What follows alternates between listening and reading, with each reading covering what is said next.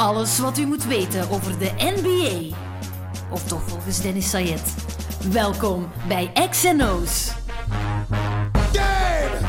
What you heard is what you hearing. What you hearing? It's what you hearing. Listen. It's what you hearing. Listen. It's what you hearing. Listen. X gon' give it to you. Het eh, echte basketbalseizoen is een week ver, want dat is het toch. Als de NBA begint, dan start het pas echt allemaal. Hoog tijd dus voor, een, eh, voor de eerste podcast van dit seizoen met een nieuwe gast. De kijkers van Play Sports kennen hem als de T3 van Fanatico. Eindredacteur bij De Morgen is hij ook, maar vooral een gigantische NBA-fan. Frederik de Bakker, eh, hartelijk eh, welkom. Ja, we kennen jou hier bij Play Sports als de T3 van Fanatico. Daarin had je het vooral over voetbal. Alleen maar over voetbal, denk ook ik. een beetje wielrennen. Een beetje wielrennen.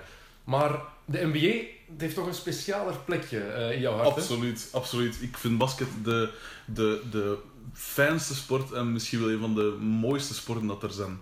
Eh, natuurlijk zijn er klassiekers, gelijk wielrennen, waar je wel respect moet hebben voor de, de, de, strijd tegen de elementen en de strijd tegen jezelf. Maar eh, basket is van, van, van als dat klein was, was dat de sport. Ehm, ik heb trouwens basket gedaan waar dat, eh, in Denderleeuw, waar dat Thomas van de Spiegel ook begonnen is. Hij was iets succesvoller dan ik. Ehm, maar eh, in Denderleeuw, bij, bij Osiris Denderleeuw was dat toen nog. Eh, een prachtige sport. Eh, ik ben er altijd zot van geweest. En ja, ik ben twee jaar jonger dan u, dus ik ben opgegroeid in dezelfde periode. En ik weet nog, ik, ik herinner me nog levendig een wedstrijd dat mijn neef in der tijd had opgepakt op, op video, op een videocassette, van de Bulls tegen eh, de Knicks. In de goede tijd met Ewing nog en, Ja, ja, en, Starks. Stark was, Starks was wel geblesseerd toen. Eh, maar Oakley en, en, oh, en Rodman. Rodman, ik heb het al gezegd, Rodman is mijn favoriete speler. Dat was ook mijn voorbeeld als speler. moet je je voorstellen, als een jongske van 10, 11 jaar, dat Rodman als voorbeeld heeft. Dat is vrij... Als je, als je er nu over nadenkt, is dat raar. Want iedereen wil de, de, de, de flashy speler zijn, of de Jordan, of de Iverson, of weet ik veel. Echt de, de coole, hippe speler.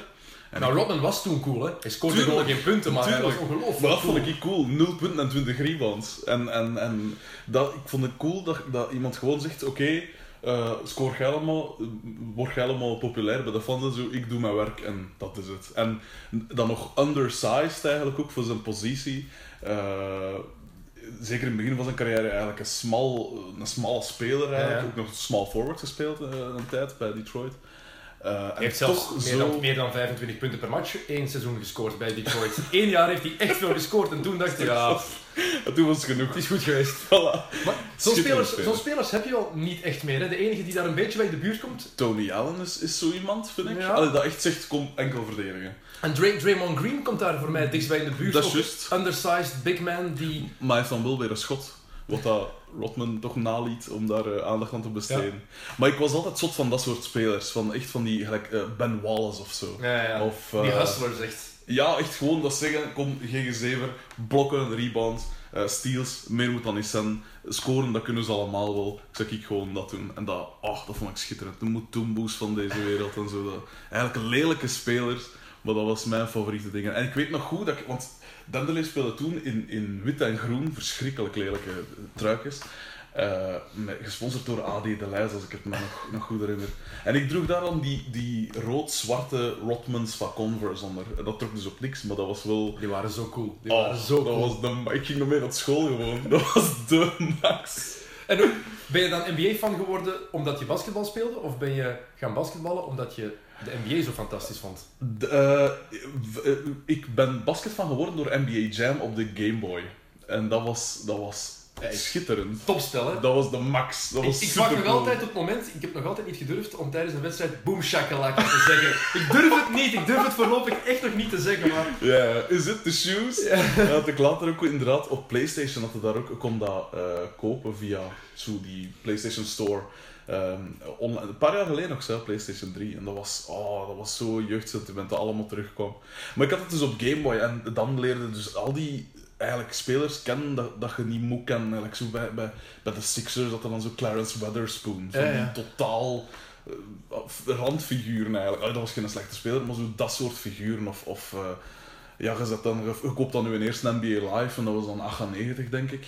En dat was dan, ja, dan zie je er Sean, Sean Bradley met zijn 2,29 meter. En dat was al, ja, die pakken we op center, die een blok toch alles. Dat soort non-figuren eigenlijk krijgen dan zo'n soort cultstatus. Maar zo leer je het kennen, hè? Als, als kind kennen. zeker. Eh, Tuurlijk. Ik had ook op de Game Boy een, eh, een NBA-spelletje, maar ik was toen ja, zes of zeven jaar. En Mhm. toen was de beste speler van dat spelletje Michael Jordan. En dan automatisch was dat mijn lievelingsspeler. Tuurlijk. Daardoor, door een simpel Game Boy spel, en dan leer je, Tuurlijk, dan leer je tuurlijk. alles beter kennen. Blijkt dat ik gelijk had. Toen gelukkig goed gekozen. Stel je voor dat je Dan Marley kiest of zo. Ja, het is dat. Het is dat. Nogthans, een goede schutter op NBA Jam. Ja. Echt ook. Maar eh, Dat is ook het enige dan. het is dat. Het is dat. Ehm, ook fan van de basketbal in de jaren 90 dus jij. Heb jij een ultiem NBA-moment? Eén wedstrijd, één fase waar je, waar je denkt, als ik moet kiezen, dan neem ik dat moment mee om te laten zien aan, aan mensen van dit is waarom ik de NBA zo fantastisch vind. Oh, dat is moeilijk. Ehm, er zijn verschillende dingen. Hè. Eh, sowieso, het, het laatste echte schot van Michael Jordan, vind ik, hè, tegen, tegen eh, Utah. Eh, waarbij dat hem zijn zesde, zijn zesde ring wint.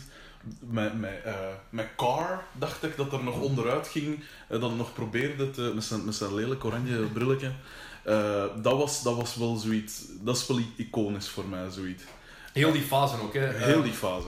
vanaf dat hij- Brian hij- Russell hij scoort- zo. Hij scoort die layup, dan pakt hij die steal bij, bij Karl Malone. Want dat moment, iedereen, iedereen praat over de shot, Ja, maar die steal daarvoor het is dat. is wat het, wat het helemaal compleet maakt. Het is dat, sowieso. Eh eh, goh, wat heb ik nog? Ik, ik word er nu wel wat door overvallen, maar...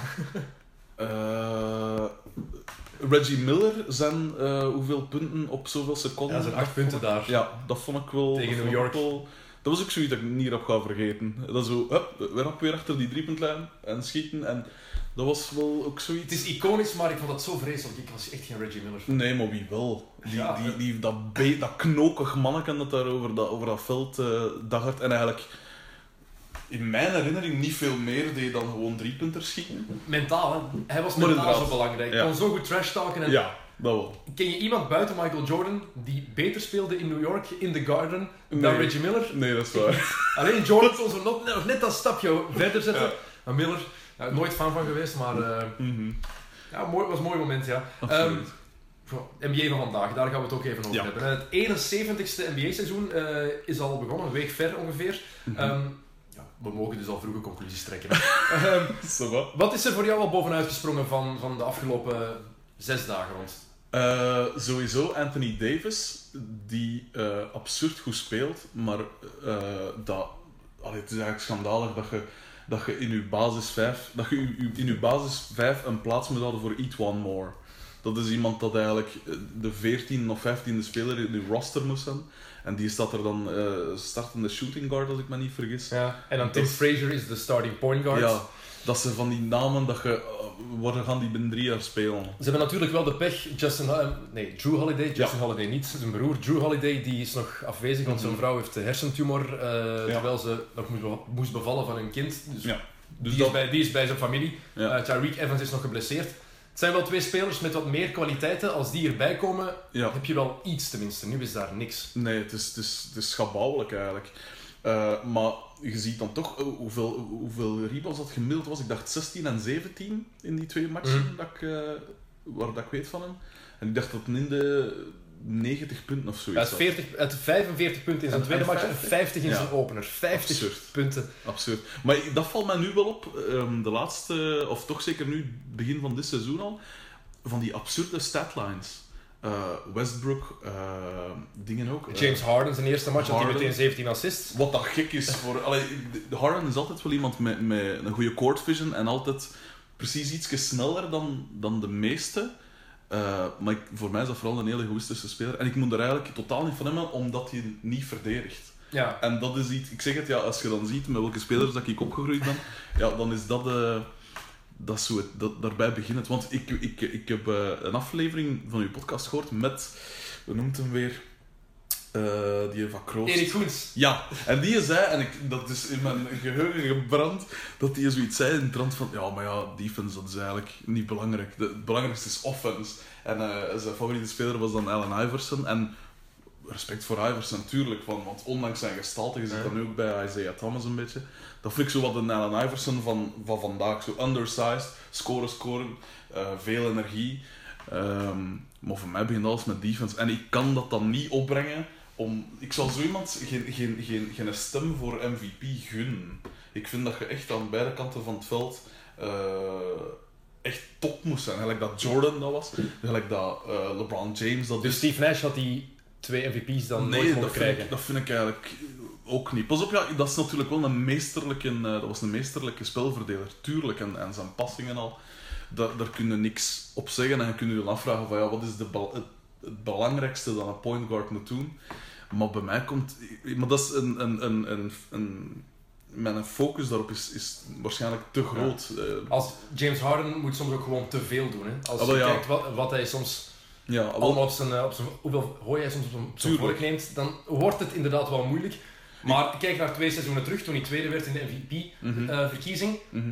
Ik vond hem toen de MVP, ook al was Stephen Mhm. Curry zo fantastisch, want hij, toen verdedigde hij wel Ja. beter. En hij deed alles voor Houston. Vorig jaar is helemaal mislukt. Maar Ja. nu zie je een nieuwe coach, Mike D'Antoni. Ja. Puur offense, alles daarop gericht. Dat is gewoon zo. Mhm. Maar Harden is de point guard geworden. Hij start voor Patrick Beverly. Ik vind Ja. het heel gedurfd.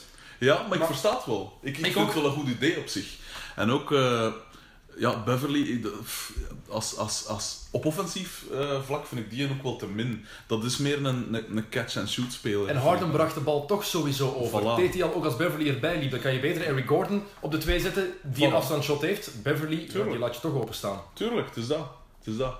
Ehm, maar dat is ook iets wat dat, eh, wat dat mij, ik kan niet zeggen mij stoort, maar wat dat toch wel opvallend is, vind ik zo die, die, eh, de fluiditeit in de rollen van spelers. Vroeger had de, een, was een point guard, een point guard en een shooting guard, was een- dat was zo afgeleid.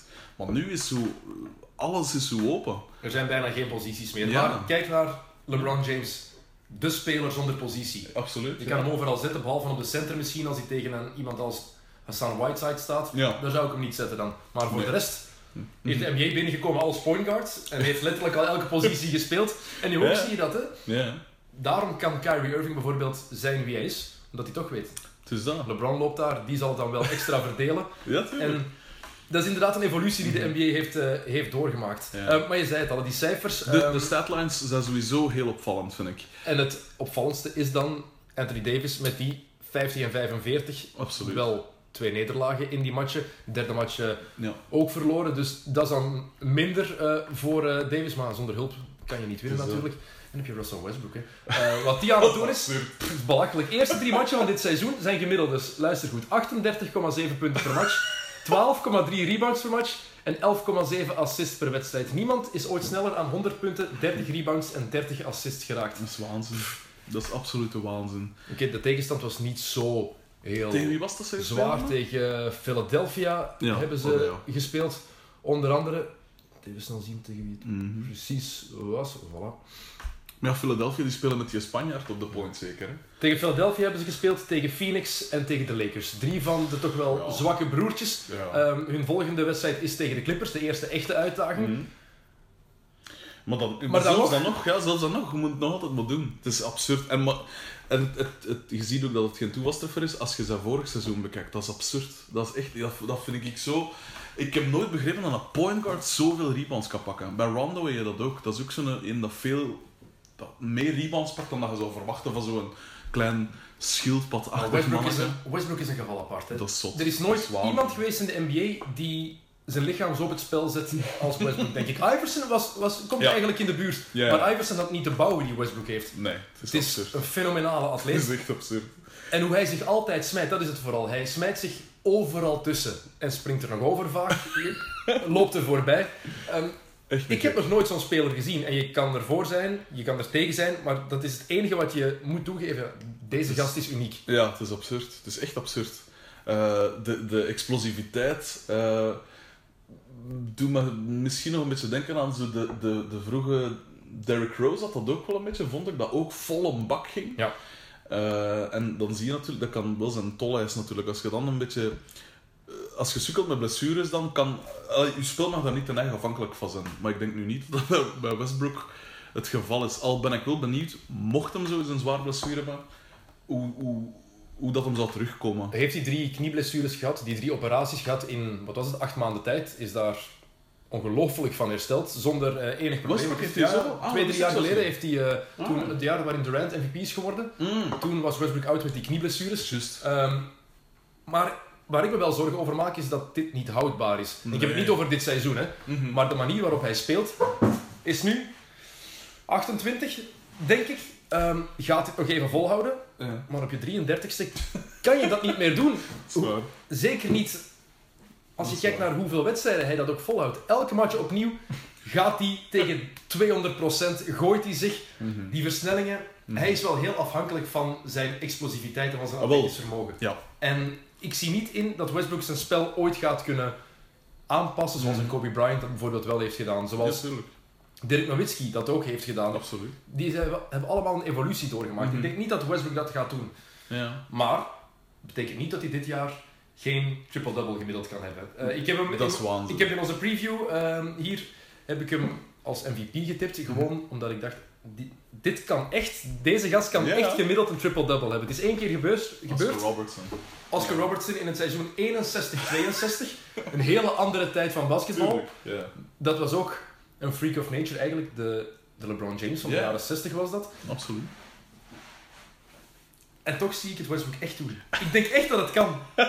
Die- ik denk echt dat hij dit kan volhouden dit jaar.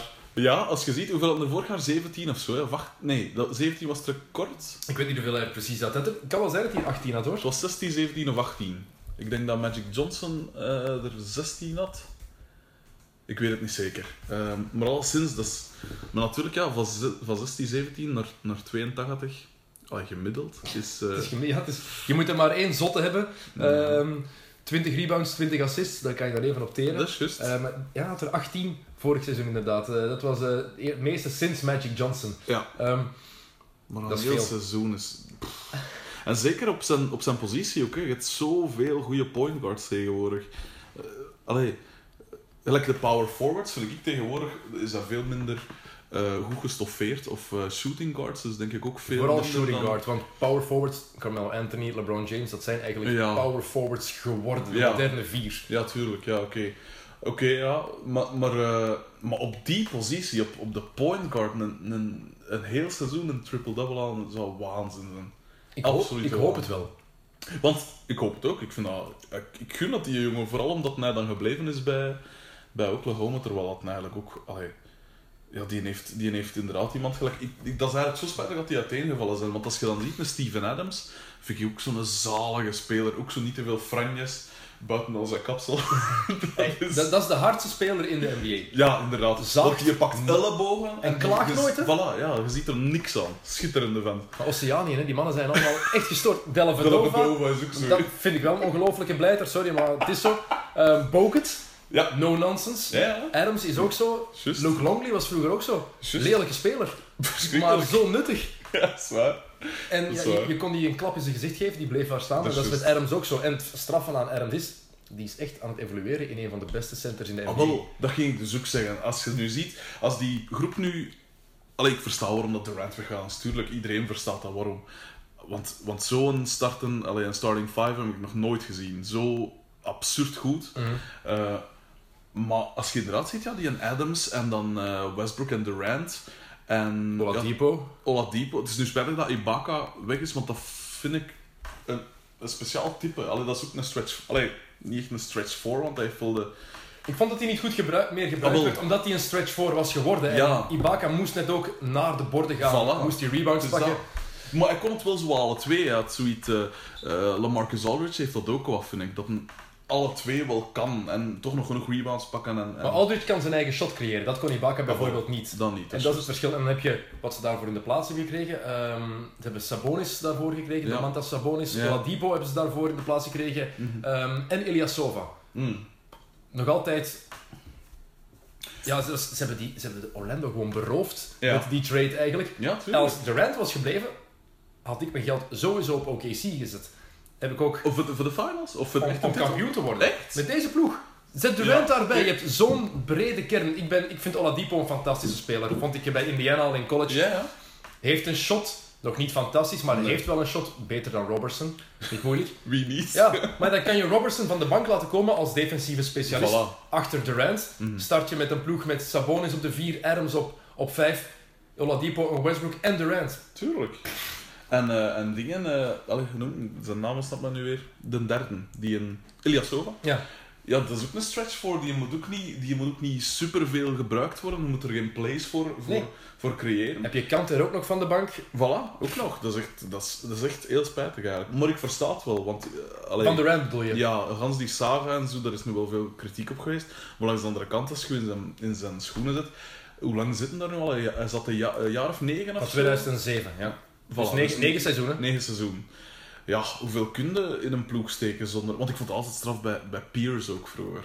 Dat was ook zo van... Wanneer was die een gedraft? Was ook? 98. 98? Ja, en in 2008 is hij kampioen Ah, wel, geworden. dus dat is ook tien jaar dat, dat we zitten sukkelen niet met, met een ploeg.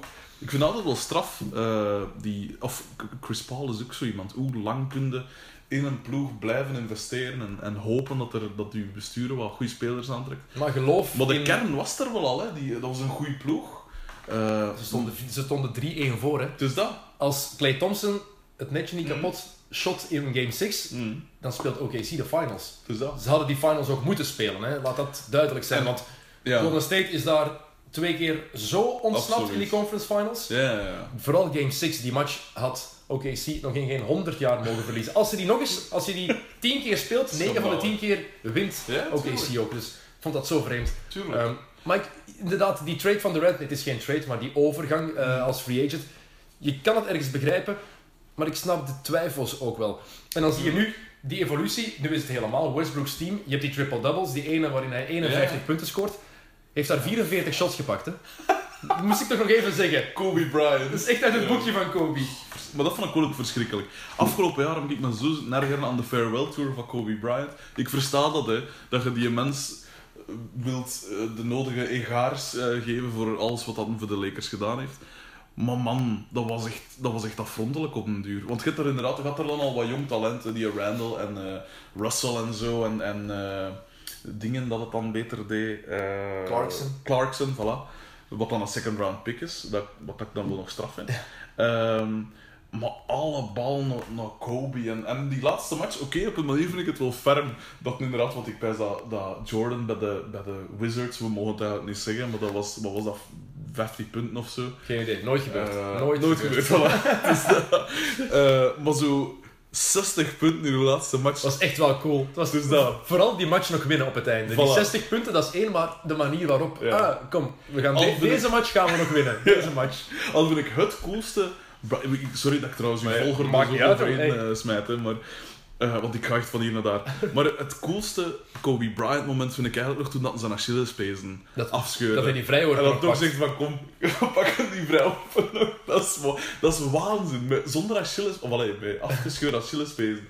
Oh, nou gek. En niet eens, je zag geen grimas op Nee. zijn gezicht. Dat is echt Dus- drop the mic hier, jongens. Ja, dat vond ik wel echt cool. This. Want, allee, ik, heb, ik zeg het, ik ben opgegroeid in dezelfde periode als u, dus Kobe Bryant vond ik, had ik altijd een beetje een dubbel gevoel bij. Ik ken het helemaal. Want ik dacht van, ja, maar ja, we hebben Jordan al gehad en je gaat toch nooit beter doen. En hij kopieerde, ik heb ooit een filmpje gezien op YouTube waarbij dat met zo constante wissels van shots tussen Jordan en, en, eh, en Bryant. Mhm. En dat ze eigenlijk, ze, ze morfen ze bijna in elkaar, dat echt letterlijk hetzelfde was. Op het, echt bijna een letterlijke kopie, een letterlijke kloon van de beweging. Die mens moet er zoveel op geoefend hebben. En Hoe zo. doe je dat? dat? Dat is de vraag die ik mij soms stel. Hoe kan je Ja. zo hard je stijl afstemmen op je Ja. idool? Want Michael Jordan was ook het idool van LeBron James. Ja, tuurlijk. Daar zijn Maar geen gelijkenissen in stijl. Voilà. En bij Kobe, ja. Ik ben blij met de eerste die mij daar een gelijk in geeft. Ja. De kopie te hard Ja, pas op. Weet Respect je, voor weet je dat hij zelfs de interviews van Jordan heeft bestudeerd om zoals hem te klinken? Ja, heeft hij zelf toegegeven. Ehm, nog eens, respect voor Kobe. Absoluut. Top 15, top 10 speler Absoluut. aller tijden. Maar Ja, ik vond dat dat, wel lelijk. ja. Ik vind, want ik ben ook een, een, een muzikant en ik ben, dat is nog meer dan basket, mijn echte passie. En voor mij moet muziek, het belangrijkste in muziek is dat je een eigen geluid hebt, dat je origineel zet. En ik heb dat bij sport ook, van oké, je kunt je, je, je spel wel modelleren naar iemand, zeker als je er fysiek en zo dezelfde... Hè, ja, in het begin ook de hops van, eh, van Jordan, van een vroege Jordan en zo. Eh, ik begrijp dat volledig. En op wie kun je beter, of wie kun je beter navolgen dan de beste? Maar ik, ik heb me toch wel altijd voor originele spelers. Gelijk naar Rodman bijvoorbeeld. Daar komen we altijd op terug. Maar ehm, ja, dat vond ik toch wel... eh, ja, ik, veel respect voor, voor Kobe, maar... Ik weet dat niet, dat is toch niet echt mijn... eh, Maar hoe zijn we hier nu weer bij terecht bezig Afscheidstournees. Maar eigenlijk wat, ik, Ja. wat eigenlijk straf is, je had het over die af, afscheidstournee van Ja. Kobe, dat je daar niet helemaal fan van was. Mhm. Het is eigenlijk heel grappig als je kijkt hoe de drie grootheden die gestopt zijn, allemaal op hun manier afscheid hebben genomen. Kobe heeft het gedaan door alle aandacht te krijgen, door overal in de bloemetjes gezet te worden. Ehm, ineens vond hij iedereen leuk, dat is ook iets wat on-Kobe was. Absoluut. Dan heb je Kevin Garnett, die gehuldigd werd, maar Ja. toch on the low, hè, Ja, onder de radar een beetje Ja. werd door zijn ex-clubs gehuldigd en dan is hij weggegaan met een nou, mooi afscheid. En dan Ja. Tim Duncan, die zei gewoon helemaal niks. En dan gewoon een perscommuniqué van de Spurs. Dat past allemaal perfect bij die karakters. Hè? Absoluut. Ik vind Duncan trouwens ook een van de, van de coolste... Ik heb het altijd voor van die sobere mensen. Ik zeg het ook van in uw spel dat je kunt zeggen, laat die ander maar scoren. Maar ook van in... Alleen dat is raar voor iemand dat een, enorm, een enorme Rodman-fan is. Want veel exuberanter dan Rodman vinden ze niet. Maar ik heb het voor van die Messi-achtige spelers. Dat heel veel talent hebben, maar wel heel sober zijn. Eh, en Duncan is zo iemand. Kawhi Leonard is, is perfect als opvolger op dat vlak. Ik heb Duncan moeten leren appreciëren. Ja. In het begin, ik vond het basketbal van de Spurs ook niet mooi in het begin. Want iedereen praat nu over die prachtige balmovement. Dat doen ze inderdaad een jaar of drie, vier nu. Maar prachtig, eh, iets langer. 2011, toen ze zijn uitgeschakeld in de eerste ronde Ja. door Memphis als nummer 1 seed, toen zijn ze hun stijl beginnen veranderen. Ja. Maar daarvoor was het vaak Tim Duncan on the block en ball inside en go to work. Tuurlijk, en dan konden Ginobili en Parker hun ding doen, omdat Mhm. Duncan alles organiseerde eigenlijk. Tuurlijk. En mensen vergeten dat. Dat was niet altijd even mooi. Het was efficiënt. Ja. Maar Al was ik wel al van in het begin eh, fan van de Spurs. Of alleen fan, ja. Ik zeg het, mijn, mijn ploeg is... Rodman zat daar, hè? Eerst. Ah, wel, ook, ja, voilà. Maar David Robinson, ook al is dat zo'n heel brave, eh ja, pastoorachtige... Want het is ook nog een heel christelijke... eh, natuurlijk Ja, ja. in Amerika zei dat al snel natuurlijk. Hij heeft een eh, christelijke school ook opgericht en zelfs een... eh, ja, ja, voilà. Zit dan een of andere is religieuze echt- ja, dat is niet echt mijn ding. daar. Maar als speler vond ik dat zo'n oh, zo atletisch. Dat, is, dat, dat, dat lichaam is. Oh, dat was, dat was gelijk, gelijk James nu. Dat was zo'n een, een kathedraal van een lichaam en dan 2 meter 16, maar wel zo beweeglijk als. Allee, een soort. Nog meer dan James misschien wel, omdat hij Ja. echt een seven-footer was. Absoluut. David Robinson is puur atletisch. Misschien wel de ultieme Ja. atleet. Dat was, dat was prachtig om te zien. Vond ik echt een heerlijke speler. Hij was gewoon die killer niet. Die Ja. Duncan wel altijd is geweest. Duncan was niet de atleet die Robinson is geweest, maar Maar toch zo, en, maar dat is zo het coole aan, aan Duncan inderdaad. Je maakt je kapot, maar heel. Eigenlijk zonder dat je het merkt bijna. Zo heel rustig in trash talk, gewoon zwijgend en gewoon, hup, Ja. bankshot, binnen, altijd via de plak binnen. zoals Kawhi Leonard nu. Ja, voilà. En Kawhi Leonard is ook Ook ongelooflijk aan het seizoen begonnen. Nog beter dan vorig jaar. geschift. Die eerste match al tegen Golden State. ehm, ik heb die wedstrijd ook gezien. Hij begon redelijk rustig nog, maar dan Even op kan op alle manieren scoren. En defensief elk, Ongelooflijk. gaat hij elke match nu echt iemand belachelijk maken aan, aan de middenlijn. Dat is echt wat ik maar vraag. Elke match heeft hij al gewoon een steal gepakt aan de middenlijn. Ja, ja. En- McLemore tegen de Kings, pijs ik twee keer achterin of ze gewoon uit zijn handen schitteren. Letterlijk uit de handen Met die- trekken gewoon. Met die enorme handen van hem. Dat is echt abnormaal. Ik heb hem eh, gezien in de finals drie jaar geleden. En, Mhm. ja, toen een hand gegeven als je daarmee gaat praten. Ja, Echt een hand gegeven? Belachelijk, hè? Echt belachelijk. Ik heb geen handen. kleine handen, die waren helemaal weg. Hè. Dat is echt vreselijk.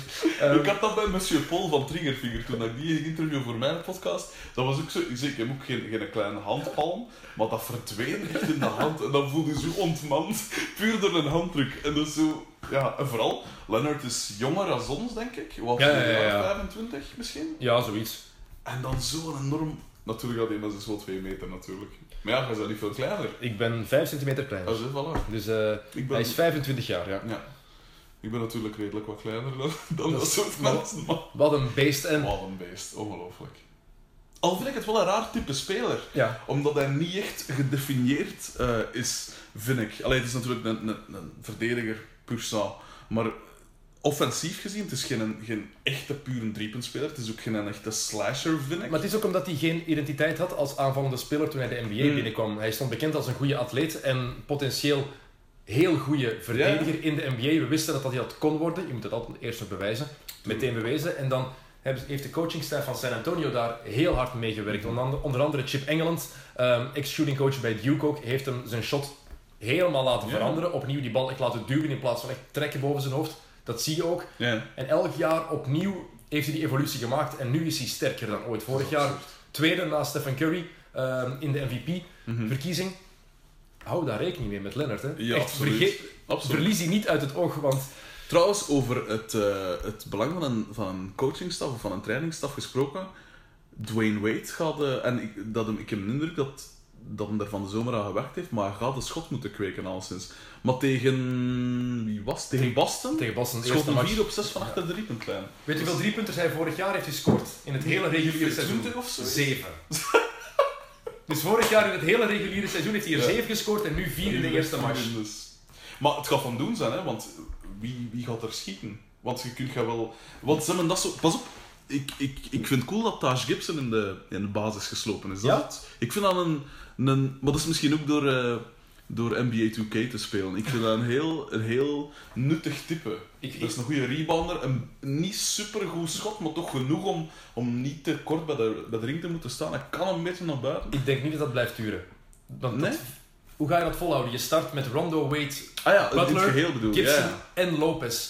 ja. Als je Mirotic daar zet, op de vier, of zelfs McDermott, ja, je defensief Ja, ben je ja. minder goed. In de rebound ook. Maar je hebt wel die dreiging van buitenuit. Ja. Rondo mag je altijd laten staan. Butler die is ook goed aan het shotten. Dus ze hebben daar allemaal hard aan gewerkt. En voorlopig ja, bewijzen ze ons ongelijk. En Ja. mijn groot ongelijk ook. Ik geloofde daar totaal ook niet niet. in. Ze hebben die drie matchen gespeeld, drie gewonnen. Dus misschien hebben we het verkeerd ingeschat. Mhm. We zijn drie matchen ver, nog 79 te gaan. Dus hele vroege conclusie. Maar, Maar- het klikt daar. En dat vind ik straf. Ik had nooit gedacht dat dat met Rondo en Wade en Butler zou klikken. Inderdaad. Alpha mannen samen. Ja, ja, absoluut. Maar die, het bestuur dat de Bulls nu hebben, is dat nog altijd hetzelfde van de jaren 90? Is Nee, dat is uh, hè? Foreman. en John Paxson is daar een van, Ah, de, ja, ja. van de big names. Jerry Krause is daar al, al lang Ja, weg. ja. Dus dat is een hele... Wat ik moet zeggen, in de jaren 90 vond ik dat dus een topbeleid. Hè. Een paar sterren en dan absolute specialisten ernaast. Mhm. Kerr, eh, Paxson, Burrell was ook zo iemand, eh, Bushler, dat soort spelers. Puur zo één specialisatie en dat was het. Maar vanaf de... Eigenlijk vanaf dat Jordan weg was, en ik denk dat Krause... Was het toen niet dat Krause ook weggegaan is? Ja, kort natuurlijk- daarna is hij ook weggegaan. Ja. Wel, maar zo de periode van Pfizer en zo, Mar- Marcus Pfizer en dat soort non-figuren. Toen dacht ik echt, wat, sindsdien vind ik dat eigenlijk een vreselijk beleid, die ploeg. Ja, maar ze hebben een leuke ploeg gehad. Als je kijkt naar de jaren met Derrick Rose, Met Noah. met Noah, zo, ehm, ja. met Dunleavy. Heinrich die dan van de bank kwam. Ze hebben wel toffe teams gehad. Maar nu, ja, ik wil het zien. Eh, voorlopig bewijzen ze echt ons ongelijk.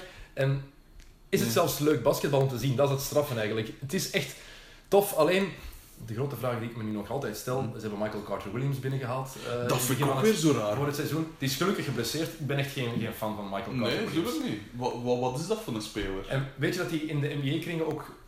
Gehaat is een groot woord, maar heel veel ploegen en spelers hebben een hekel aan hem. Omdat hij zichzelf ongelooflijk overschat. Is Rookie Ja? of the Year geworden. Ja. Ehm, en hij vindt zichzelf echt een superster.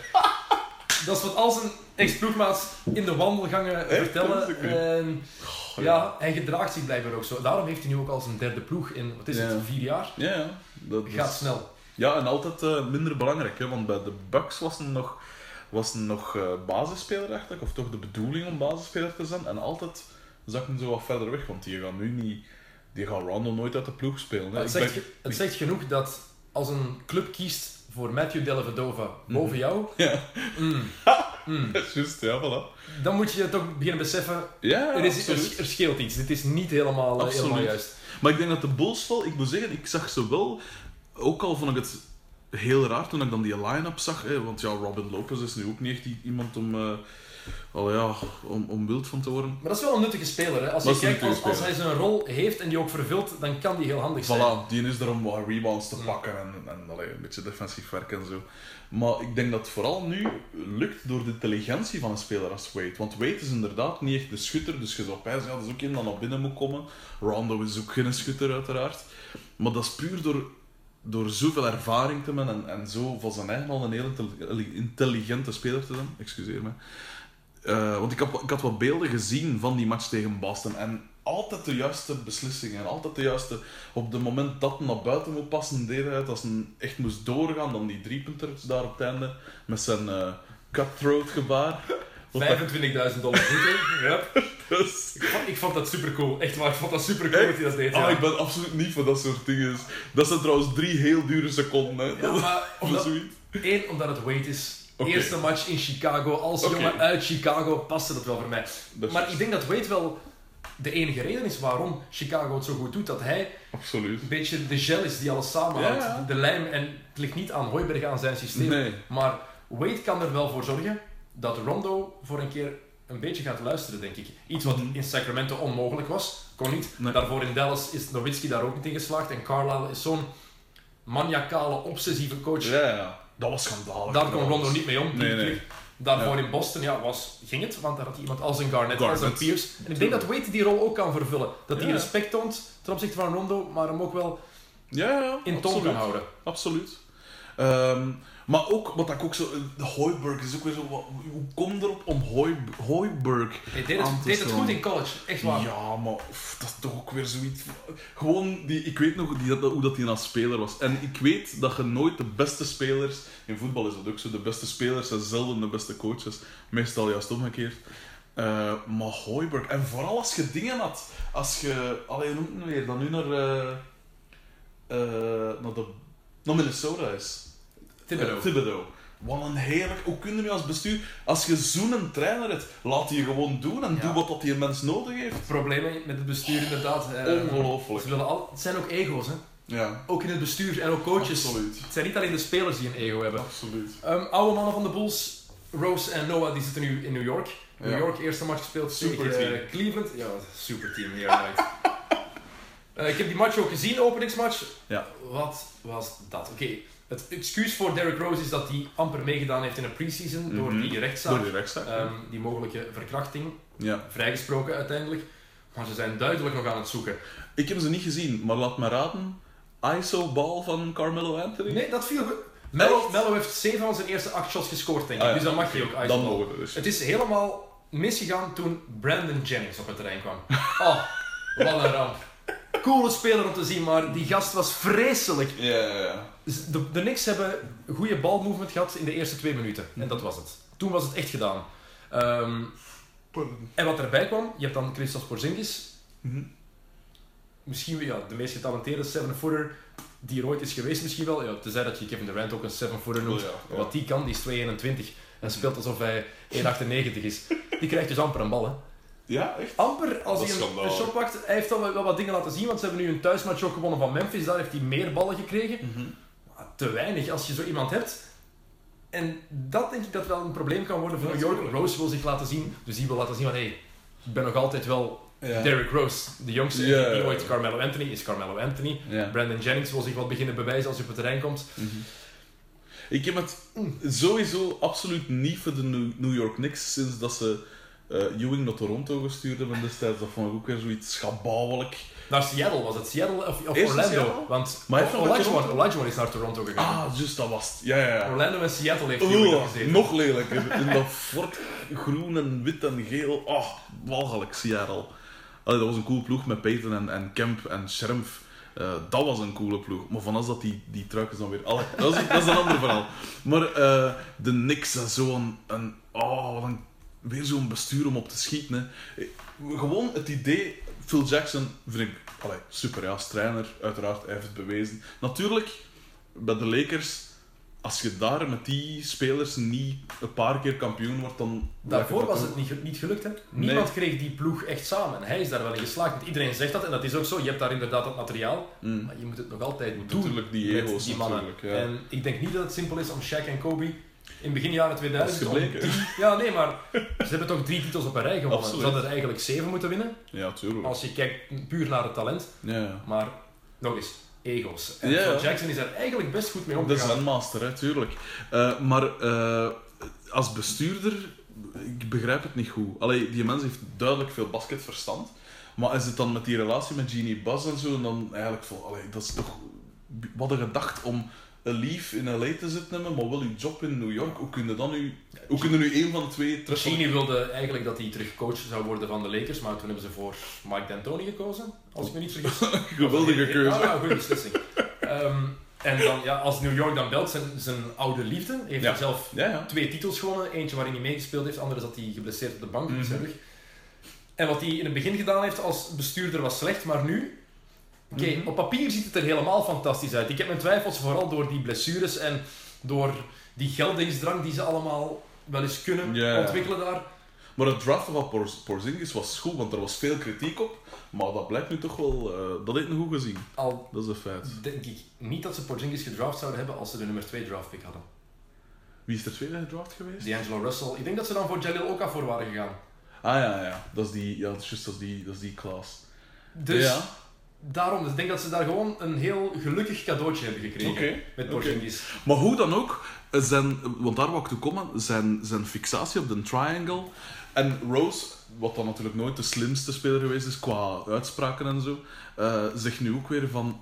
Trouwens, die Rose is zo'n mekkeraar. Altijd zo. Oh, het is nooit goed en het is no- nooit zijn fout natuurlijk. En oké, al die blessures en die mogelijke verkrachtingszaak ten spijt. Maar sowieso, allee, ik begrijp beide standpunten. Hè. Als uw coach een systeem opdringt dat eigenlijk, vind ik, niet meer van deze tijd is, die een triangle is zo rigide. En, allee, dat is op zich een mooi, een mooi systeem als het werkt. Je, kan- je die moderniseren, Ja, voilà. maar, Maar- doe het dan ook. Ja, voilà, het is dat. Eh, en, en haalt er dan de juiste spelers voor en zo, maar... maar maar en het ding is, allee, Rose zegt dan van ja, ik zou eigenlijk liever meer pick-and-roll willen spelen. Wat ik begrijp, want het is een speler dat niet echt de schot heeft. Dus ja, dan hoopte dat, je, dat, dat, een- dat Noah of Porzingis of zoiets, ja... Met Porzingis zou dat perfect gaan. Met Melo ook, pick en pop. Melo die Voilà. naar buiten gaat. Het is dat, dus ik begrijp dat men dat wilt. Eh, maar ten eerste zegt dat dan niet zo in de media. En, en ten tweede, ja, zie, zie, dat is dan intern niet dat je, dat moet opgelost worden. Maar New York is zo'n afgrijzelijke ploeg geworden. Ik zeg het, jaren 90 vond ik dat een zalige ploeg. Want dat was dan met Anthony Mason en, en Larry Johnson later en Spreewell, wat dan natuurlijk ook wel van een gek was. Maar Compleet gestoord. ja. De enige speler ooit die zijn coach heeft gewerkt. ja, Carlissimo was? Carlissimo, Ja, ja. voilà. Daar ik altijd denk ik een, een litteken van. Trouwens, vandaag, heel, heel toevallig dat je begint over die, eh, die triangle ook, vandaag is eh, uitgekomen, ah, uitgekomen eh, aan het licht gekomen, dat Phil Jackson zijn jongens toch af en toe nog even extra coacht, dat hij het bord overpakt Ah, van eh Hornets zeg, om te laten Oh. zien hoe ze de triangle daarin kunnen integreren. Maar Maar dat is ook weer zo laat raar. Hornets toch gewoon doen. Ja, voilà, want dan, ont, dan ontnemen die zijn gezag en, en maar, niet goed. Vorig jaar was dat nog erger, hè, met Fischer. Ja, Fisher en Rambis, kom op. Rambis. Wat een gedacht. Maar, Hoe komt erop? maar sorry dat ik het zeg, Want maar hij was kutcoach, hè? Absolute tuurlijk. kutcoach. Wat was zijn record? Iets van een 30 tegen 130 of zoiets? Bij Minnesota heeft hij iedereen de grond eh, Mhm. ingereden. Nee. Nee. En nu is hij nog altijd assistent. Maar waarom is hij nog altijd assistent? Een van de beste vrienden van Phil Jackson. Voilà, het is En dat. het is ook nog altijd een beetje vriendjespolitiek. En Doc Mhm. Rivers is daar het mooiste voorbeeld van. Mm. Die trekt alleen maar spelers aan die hij gecoacht heeft vroeger, Of die familie heeft. zijn, of die goed gespeeld hebben tegen zijn team. Ja, Dat is inderdaad. standaard. Ehm, de Knicks eerste match tegen Cleveland gespeeld. Niks slecht. Cavs fantastisch. Echt fantastisch. Ik dacht, ze gaan rustig aan beginnen. Mhm. Maar het was ring night en ze wilden laten zien, wij zijn de kampioen. Ja. Trouwens, die ringen. Hoe lelijk kun je een stuk eh, juweel eh, maken? Oh. Heerlijk. Het moet gewoon bling bling zijn. Dat is het enige wat telt. Groot en het moet niet mooi zijn, kom. Ja. Maar dus, de, de match, eh, ja, ehm, maar ja, dat is ook... Ik heb nooit begrepen dat dat niet, dat dat niet marcheerde. Bij die, met, met Love en zo, Love heeft zo lang wat zitten zoeken als een eigen.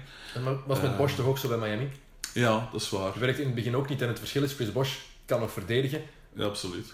pakt heel wat rebounds. Kevin Love deed dat ook bij Minnesota, maar als hij altijd wordt opgesteld als hij gewoon die shotter in de hoek, wat hij bij David Blatt meestal was, ja, Ja, ja. dan ga je het daar niet van krijgen. Kan Nee. verdedigen, heeft hij bewezen tegen Stephen Curry op het einde van Game 7. De stop. Iedereen praat over het blok van LeBron en het shot van Kyrie Irving. ja, ja. Wat Kevin Love daar gedaan heeft, was indrukwekkend. Ik heb hem nog nooit zo zien verdedigen.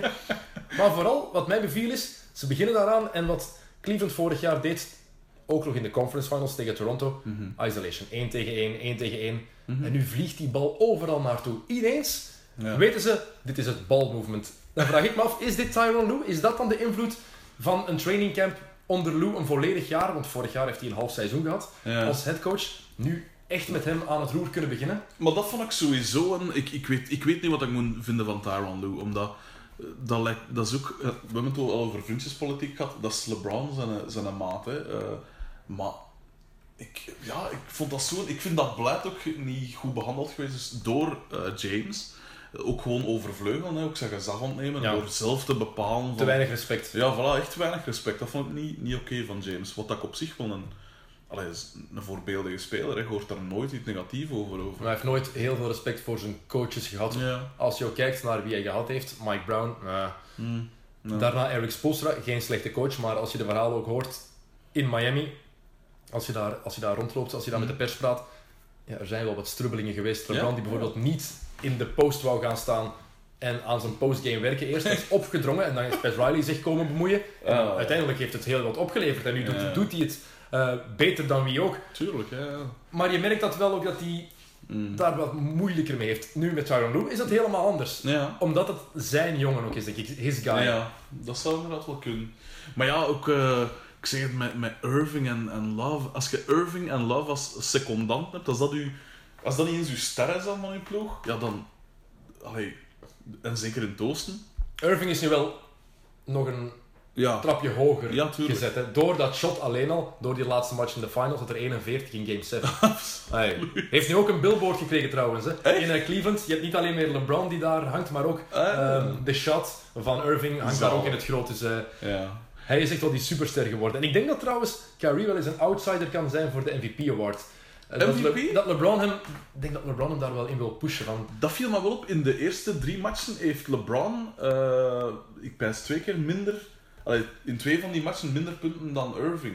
En ik, ik denk zelfs één keer minder dan, ook dan Love zelfs. Dus ik denk dat LeBron hem zo beetje aan het, eh, aan het schikken is. Ja, gemak. Maar dat doet hem sowieso wat hè, in het regulier seizoen. Hij weet ook dat... eh, Nu zeker, vroeger deed hij dat niet, maar hij weet ook van, who cares? ja. Wat dat wij doen in het, eh, in het reguliere seizoen. Zolang dat we maar thuisvoordeel hebben, genoeg thuisvoordeel. Absoluut. Trouwens, dat wil ik u ook vragen. Jij als kenner, mogen we toch wel zeggen. wat gaat er nu komen?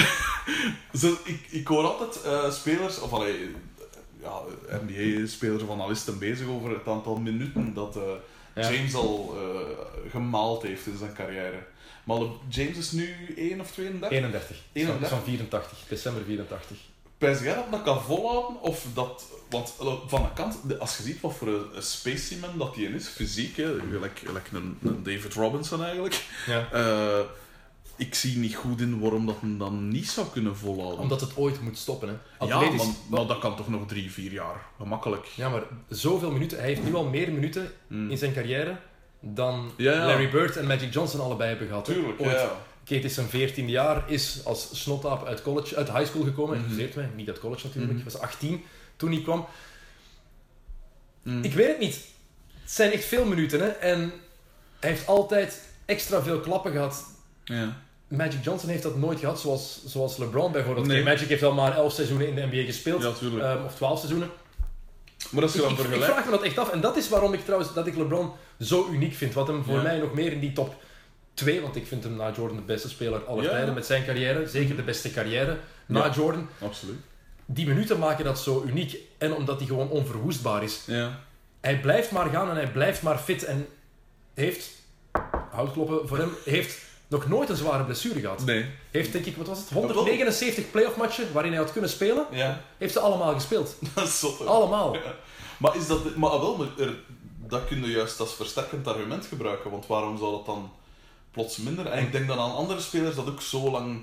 allee, de, de spelers dat langs gespeeld Ja. hebben. Gasten gelijk eh, Abdul-Jabbar, eh, een Garnett, een Parrish, eh, Moses Malone. Dat zijn allemaal van die gasten dat 20 seizoenen gespeeld hebben. Maar die hadden allemaal niet meer die impact die LeBron Nee. wel hoopt te hebben op het einde van zijn Ja. carrière. Abdul-Jabbar bijvoorbeeld, die ging naar de skyhook. Weg van de basket, geen contact. Mhm. Moses Malone was niet meer die offensief belangrijke speler. Parrish, net hetzelfde. Parrish sowieso, Dus ja, daarom- dat versta ik wel. Daarom, ik weet niet of hij deze speelstijl Mhm. gaat volhouden. We hebben het daar net al even over Mhm. Westbrook gehad op dat vlak. Kobe heeft zich aangepast, Michael Jordan heeft zijn Mhm. speelstijl aangepast.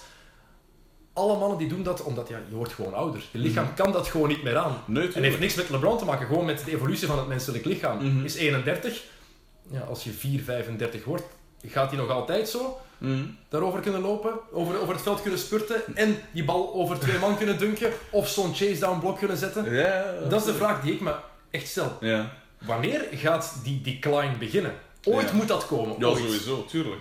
Maar langs de andere kant, de, de medische begeleiding en, en de technieken Ja. en zo zijn zoveel beter dan Ook bijvoorbeeld de, de, de Abdul-Jabbar's en de Paris in de jaren 80. Eh, Garnett, dat is daarom dat ik ook Garnett noem. Oké, die is nu sinds ja, Brooklyn was dat natuurlijk ook al niet meer zo heel veel.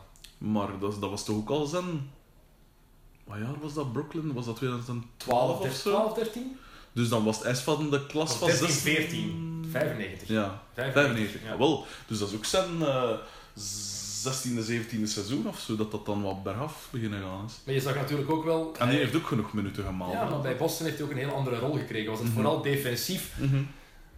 LeBron heeft nu Kyrie Irving en Kevin Love. Dus daarom wil ik zien hoe hij dit seizoen gaat aanpakken. Of hij een mindere prominente rol gaat opeisen. Mhm. LeBron kan dat volgens mij niet. Hij houdt nog te veel van het spelletje. Gewoon. En hij, ja, hij wil dat ook verdelen. Hè. Hij wil Ja. die ploeg leiden. Ja. Maar Lou gaat hem sowieso 32 tot, beperken tot 32 minuten per wedstrijd, denk ik. dat is Wat nog altijd het minste in zijn carrière is. Hè? Is dat het minste? Ja, ja. Zeker, By far. Fucking hell. Ja, het is, het is echt... Top 5 speler aller tijden voor jou? LeBron? Eh, ik zou denken van wel, ja. Dat is, ik vind het altijd een heel moeilijke discussie. Ah, iedereen vindt dat een ja, heel moeilijke Je kan discussie. die tijden ook niet vergelijken. Ja, en posities en wat is het allemaal. Maar het is sowieso wel iemand... pu- Puur op basis van... Als je het puur kijkt op basis van talent, vind ik sowieso. Allee, de, de- gewoon zijn, zijn, zijn bouw heeft, is zo'n ongelofelijke cadeau. Maar ook gewoon de, de veelzijdigheid, zo had men ook al gezegd. En, en Basketbal IQ. een basketbal IQ, ongelooflijk. Ongelooflijk. Eh, want ja, je hebt van die spelers dat je, waarvan dat je toch denkt van... Ik, gelijk een, Shaq bijvoorbeeld was zodanig dominant, maar ik weet niet... Ik, natuurlijk, ik weet, toen lette ik daar nog niet zo naar op, maar ik denk niet dat hij zijn basketbal IQ zo hoog het was. probleem bij Shaq is dat hij niet alles uit zijn carrière heeft Voilà. Voor mij, want Voilà, absoluut. dat was een van de sterren toen wij jong waren. Ja, ja. Ik was gigantische fan van Shaquille O'Neal bij Ik Orlando. ik ben vond die nooit- fantastisch. Ah ja, bij zijn- Orlando wel. Ja, zijn rookiejaar bijvoorbeeld. Ja, ja, ja. Ja, ja, absoluut.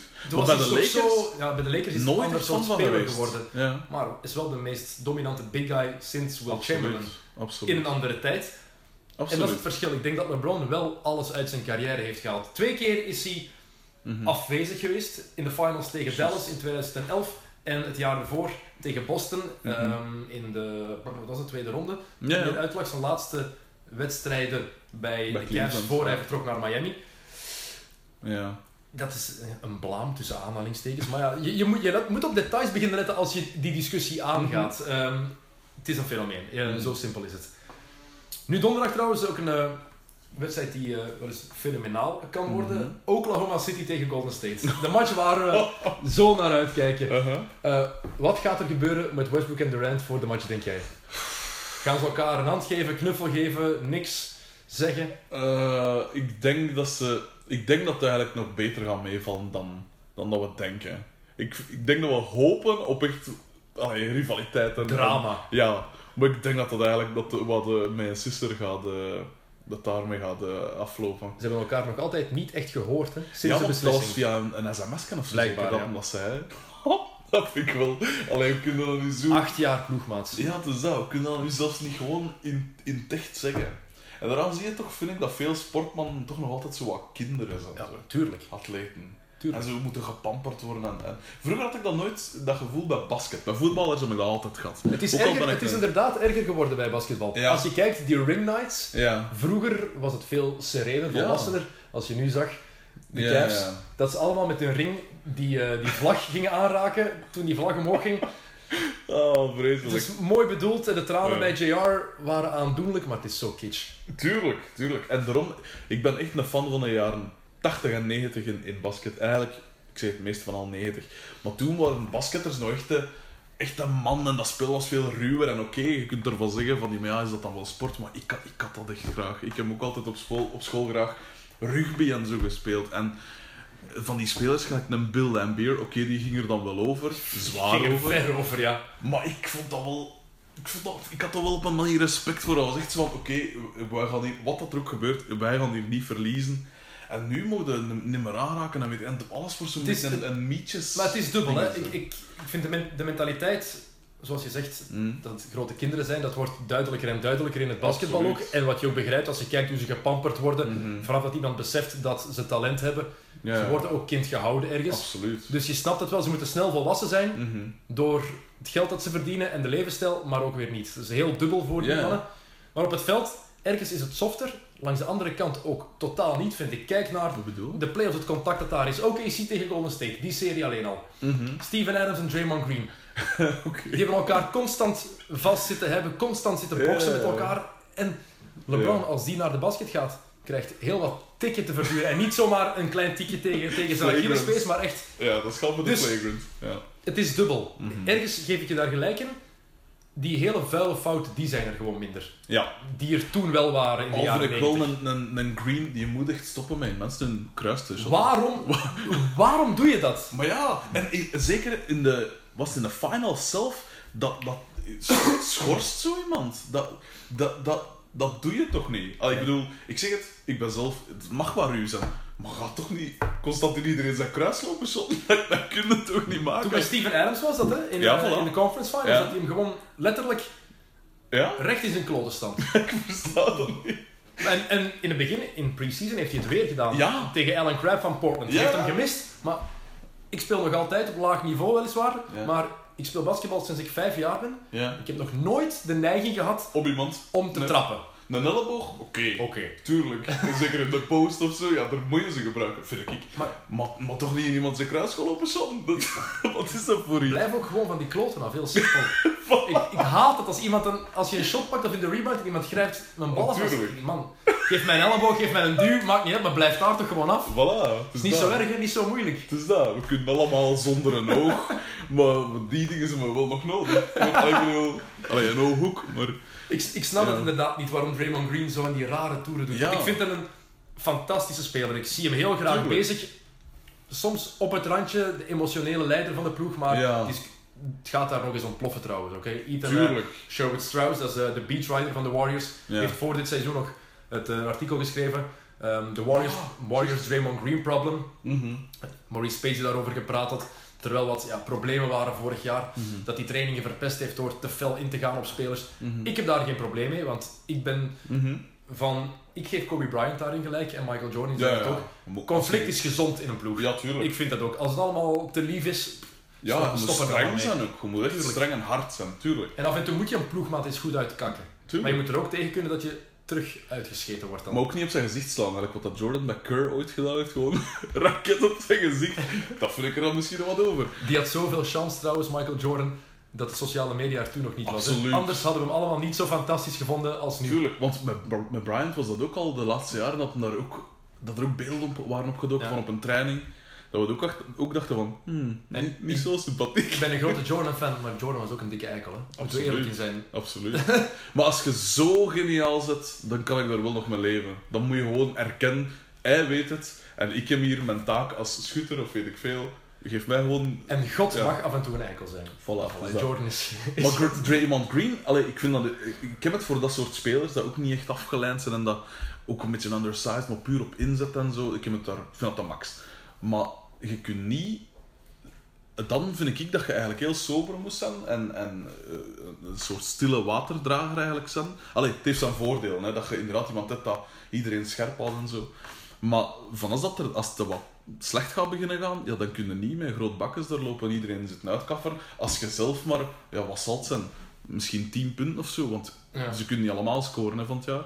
Dat Hij gaat veel triple- triple-doubles hebben dit jaar, Draymond Green. Dat sowieso. In, Ja, de, in de schaduw van dan. Ah, 10 10 punten en dan 10. punten ja. en dan 13 rebounds, 11, 12 assists. Ja, oké. Vorig jaar was hij ook al de gast die het meeste assists had per wedstrijd bij Golden State. Hè. Echt? Ja. Meest assist? Ja. Ah, mooi. Dus Draymond Green is eigenlijk die spelverdeler van de ploeg. Nou, ergens is hij dat. Eh, heeft zich ook weer laten horen trouwens. Ze hadden aan hem gevraagd of hij er al naar uitkijkt, of hij Cleveland in de finals wil zien. ja, en hij heeft gezegd Annihilate. van eerst het Westen overwinnen, dat wordt al moeilijk genoeg. Blij dat hij dat gezegd heeft. Absoluut. Maar als en wanneer we de finals bereiken, Mhm. en het is Cleveland, dan wil ik ze verpletteren. I want to annihil- annihilate Annihilate, them. Ja, ja, ja. Absoluut. Ja, dan, moet- dan moet uw mindset zijn. Hè. Dat moet altijd uw mindset zijn. Of dat je nu tegen eh, de Brooklyn Nets eh, speelt of tegen eh, de Golden State Warriors. Je moet echt, ik vind dat je ofwel doe je het, ofwel doe je het goed ofwel doe je het niet. Ofwel ga je 100%, 120% ofwel blijft op de bank en geef de, weet ik veel wie dat er nog rondloopt, eh, een kans Mhm. om te spelen. Ik ben wel blij dat we daar zo'n nieuwe rivaliteit echt hebben. Ja, dat vind ik ook wel Want cool. daar hebben we lang op moeten wachten. Er twee ploegen waren die elkaar echt haten. De laatste rivaliteit was die tussen eh, Clippers en iedereen. Clippers, Clippers en Warriors eigenlijk, die twee. Ja, inderdaad. Maar, Maar ja, dat was ook zo Ja, dat telde niet echt. Ja, voilà. Maar nu. Warriors Cavs, dat is echt hè. ja, dat is juist. En dat is hard. Dat is cool. En inderdaad ook zo... eh want zo'n rivaliteit tussen zo wat mindere goden. Wat is echt... Het is James aan de ene kant en dan Curry en Durant. De Fellowship of the Ring aan, Ja, voilà. aan de andere kant. Ehm, Green heeft ook wat te zagen de laatste tijd. Hij, eh, ja, hij zegt eh, dat de teams hen willen punken. Dat ze te fysiek tegen hem, hen spelen. Dat Ja. ze hen pijn willen doen. Hey, Ja. je hebt vier eh, top 15 spelers van de NBA. je hebt. Stephen Curry, Kevin Durant en Klay Thompson. En zoals je hebt gezien, een incidentje met Lance Stevenson. Durant die hem tegen de grond gooit omdat Stevenson te irritant was. Nee, Ah, wel, ik laat je dan ook voelen, hè? Ah ja. Durant heeft die op de- hem op de grond geduwd, klaar. Ja, voilà. Ah, zo blij te. Stevenson is natuurlijk ook wel iemand dat dat gedrag uit. Tuurlijk, maar reageer dan zo en zeg niet Voilà. teams want to punk us. Ja, Ja, man, het hey, wat je nu gedacht? Het Met. Kevin Durant erbij. Het is dat. Zot gewoon iemand zijn kloot. Ik bedoel, reageer gewoon. Eh, Eh. waar ik me wel aan stoor trouwens, ehm, is hoe alles wat Kevin Durant nu zegt uit zijn context wordt Oh, getrokken. absoluut. maar echt Oh. alles. En dat gaat heel het jaar zo zijn. Hè? Ja. ja. Alles wat hij zegt over Golden State, wat bijvoorbeeld leuk is bij de Warriors, Mhm. betekent dan... Ah, dus het was niet zo bij OKC? Ja, Nee, soms wil hij gewoon iets zeggen over zijn huidige situatie. tuurlijk, tuurlijk. En ik zeg het nog eens, ja, ik begrijp volledig wat dat gedaan heeft, want ja, daar draait het om. Het draait om kampioensringen. Hij is MVP geweest, hij is, was vier keer topscorer geweest of zo, dus dat heeft hem bewezen. Maar hij gaat naar de ploeg waar hij Ja. tegen verloren heeft. Ze stonden 3-1 voor. Ja, maar langs de kant begrijp ik Als ze, nu als ze met 4-0 verliezen, oké, 3-1 voor. Ja, dat is schandalig dat dat gewoon ooit allee, dat ze dat, eh, dat, dat dat verloren gegaan is. Hetzelfde met de Golden State Warriors zelf. Maar ik wil net zeggen, je weet dan dat je een ploeg hebt die in staat is om Golden State te kloppen. Die Ja. in staat is om de finals te halen en een titelkandidaat is. Ik snap zijn beslissing ook. Ik, Ja, ik, ik hink de hele tijd op twee gedachten. Eh, Want ik ja. vind het meer dan terecht als je promotie kan maken in je job. En je kan ergens Voilà. niet per se meer verdienen, maar meer succes hebben. Ja. En doen wat je echt wil doen. Ja, dan moet je dat Dus dat, ik aannemen. begrijp Maar dat wel. Ik vind het ook lelijk. Ik vind ook, en een speler, ik een Duncan, Hans zijn carrière bij, bij Ja. eh, de Spurs. Wade, dat vind ik nu ook wel een beetje spijtig. Al Dat begrijp ik het. Dat fout van Pat Riley, heel simpel. Ja. Terwijl Dwayne Wade is heel, in heel zijn carrière Ja. bij Miami is hij nooit de best betaalde speler van de ploeg geweest. Nooit. En nu Ah, hadden ze. Whiteside geld gegeven, gingen ze voor Kevin Durant en ze gingen Wade weer niet genoeg betalen. Ja, dat is- Sorry, maar je moet zo iemand bedanken voor alle tickets die hij verkocht heeft, alle shirts die hij heeft laten verkopen. Al vind ik het ook wel een beetje absurd om, eh, gelijk bij, bij Kobe, die speelde op het einde ook voor 25 per jaar of zo, dacht ik. Hè, voor heel veel Maar in geld. de eerste week heeft zijn aanwezigheid alleen de Lakers 100 miljoen opgeleverd. Oké, Ja, dat is het contrast. dan zwijg ik. Dat is, dat is het contrast, hè. Dat is waar, dat is waar, oké. Maar, ja, maar dan vind ik iets wat dan Nowitzki bijvoorbeeld dan doet, dat vind ik dan wel cool. Dat dan zegt van, ja, pak een paar miljoen minder voor mij en geef dat aan een wat heftige spelers. Wat dat ze niet gedaan hebben bij de Mavs, wat dat nooit lukt bij de Mavs. Maar, eh, eh, maar wat dacht ik te zeggen? Eh, ah ja, dus een speler, al, ik, heb, ik zie het zo ook graag, een speler die altijd bij zijn ploeg blijft. De Carl Malone, alleen die is uiteindelijk nog weggegaan. Ja, naar de Lakers gegaan nog een Oh, jaar. ja. Stockton is wel gebleven. Stockton, ah wel, Stockton, wat ik trouwens altijd een zalige speler gevonden. Ook is wel lelijk, zo Hey, smeerlapje, hè, oh. Ja. Maar zoveel assists, gewoon in dienst van, dat vind ik altijd. Altijd. maar hij zag er ook, ik vond, ik vond ook, die zag er totaal niet uit als een NBA-speler. Die zag als een, een verzekeringsmakelaar of zo, weet ik veel. Maar alleszins, ik, ik versta dus wel, ik, ik had hem eigenlijk ook liever bij OKC gezien, want ik vond ook OKC was Durant, meer dan, eh, dan Westbrook eigenlijk. Eh, maar ik zeg het, hij heeft die individuele trofeeën, heeft hem al gehaald, hè, MVP en, en wat is het allemaal. Nu moet het echt voor rings gaan. En inderdaad, hij komt nu in zijn prime. Gelijk, dat is ook wat dat zo spijtig is, dat voor een Charles Barkley of zo, eh, of voor een Malone, zo'n goede spelers en dan nooit, die, want Malone heeft toch nooit die ring gehaald. nee. Dus dat zijn wel spelers dat dat verdienen. En het zou echt zonde zijn, moest hem, het, moest hem geen, geen ring halen. Ik denk wel dat nu een ring winnen met Golden State Mm.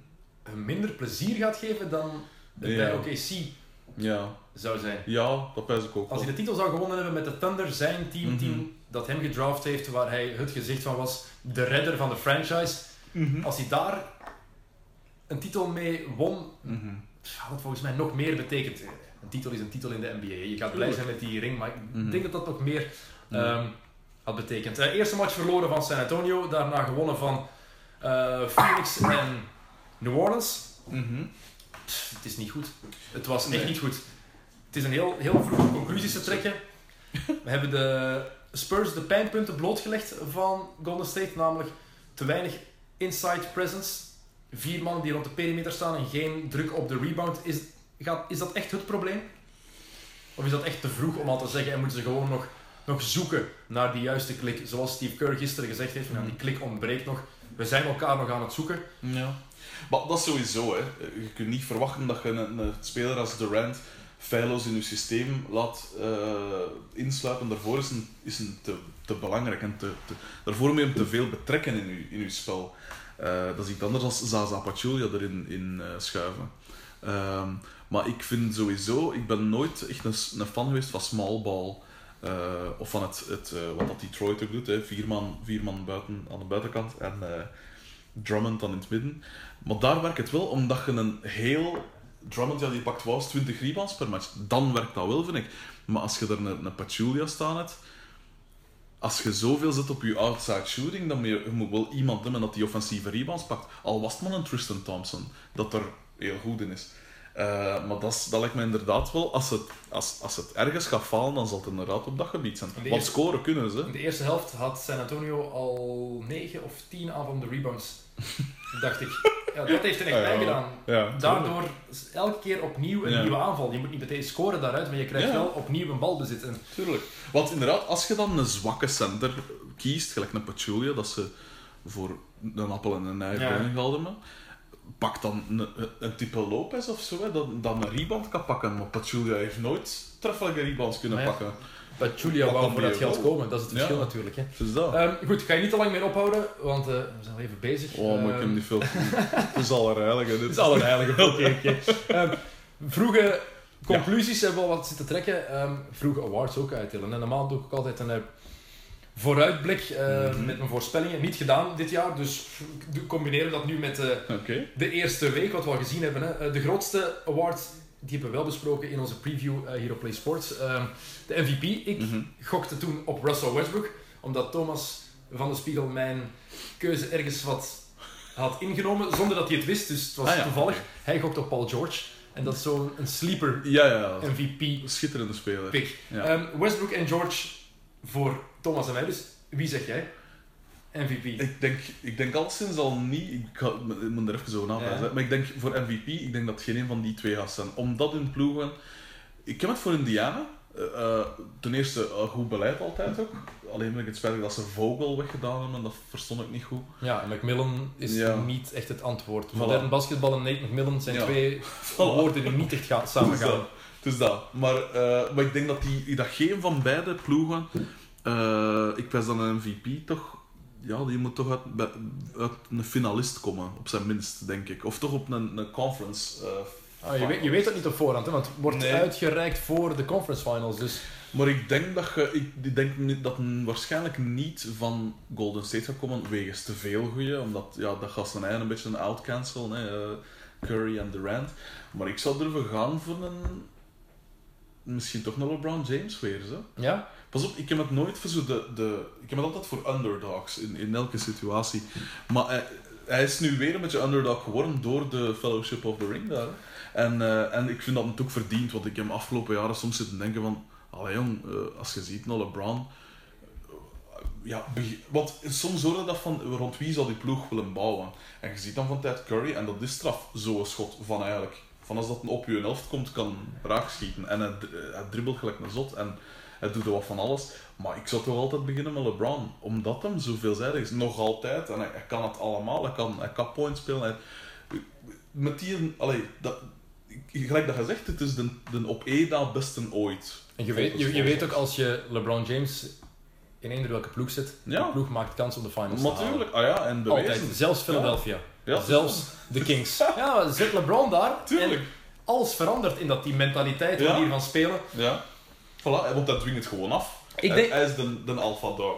Eh, Dus eer- ik denk LeBron James. De enige reden waarom ik LeBron er niet bij heb gezet, is omdat ik denk, ik denk dat hij gewoon te weinig minuten gaat krijgen van Lou. Dat hij hem zo gaat laten rusten Mm. en dat zijn statistieken niet Ja, gaan zijn wat van een MVP verwacht wordt. Daarom dat ik denk dat Irving meer kans maakt dan James eh, Ja. in, in het oosten bij Cleveland om MVP te worden. Mhm. Het enige probleem is dat ik Kyrie Irving eindelijk eens 82 matchen wil zien spelen. Elk jaar is hij al geblesseerd geraakt en dat is al van bij Duke in college. Mhm. Altijd mist hij een aantal wedstrijden. Dus. En één grote naam die we niet mogen vergeten, Damian Ja. Lillard. Ah, wel, Oh, ik ging er juist toe komen. Maar dat, dat is ook weer zo een geval van de ploeg dat juist niet goed genoeg is. Want je kunt dan Anthony Davis kunt ook zeggen, als je puur individuele stats gaat zien... maar de, de Blazers gaan wel de playoffs halen. De Pelicans Ja, ja, ja. bij lange niet. Nee, inderdaad. Dus dat is wel Cousins is ook weer zo'n naam dat, dat veel goed dat, qua Ook stats- playoffs. Ja, voilà, is dat. En dat is heel, heel spijtig natuurlijk, want dat Allee, ik heb het niet voor de, de mens, de Marcus Cousins. Nee. Het schijnt dat we een heel toffe gast is in een groep. Allee, ik bedoel, op bij de Olympische Spelen was toen de sfeermaker. Eh, maar, Maar- dat is zo'n kind, hè. ja, niet moeilijk. Hè. Op de Spelen hebben ze geen match verloren. Alles was De gemakkelijk. sfeer is altijd goed. Voilà. Voilà, het Als je dat. altijd weet, is het altijd leuk. Hè. Ja, het is dat. Eh, maar Lillard, Lillard we hadden het daar straks over waanzinnige cijfers. Ja.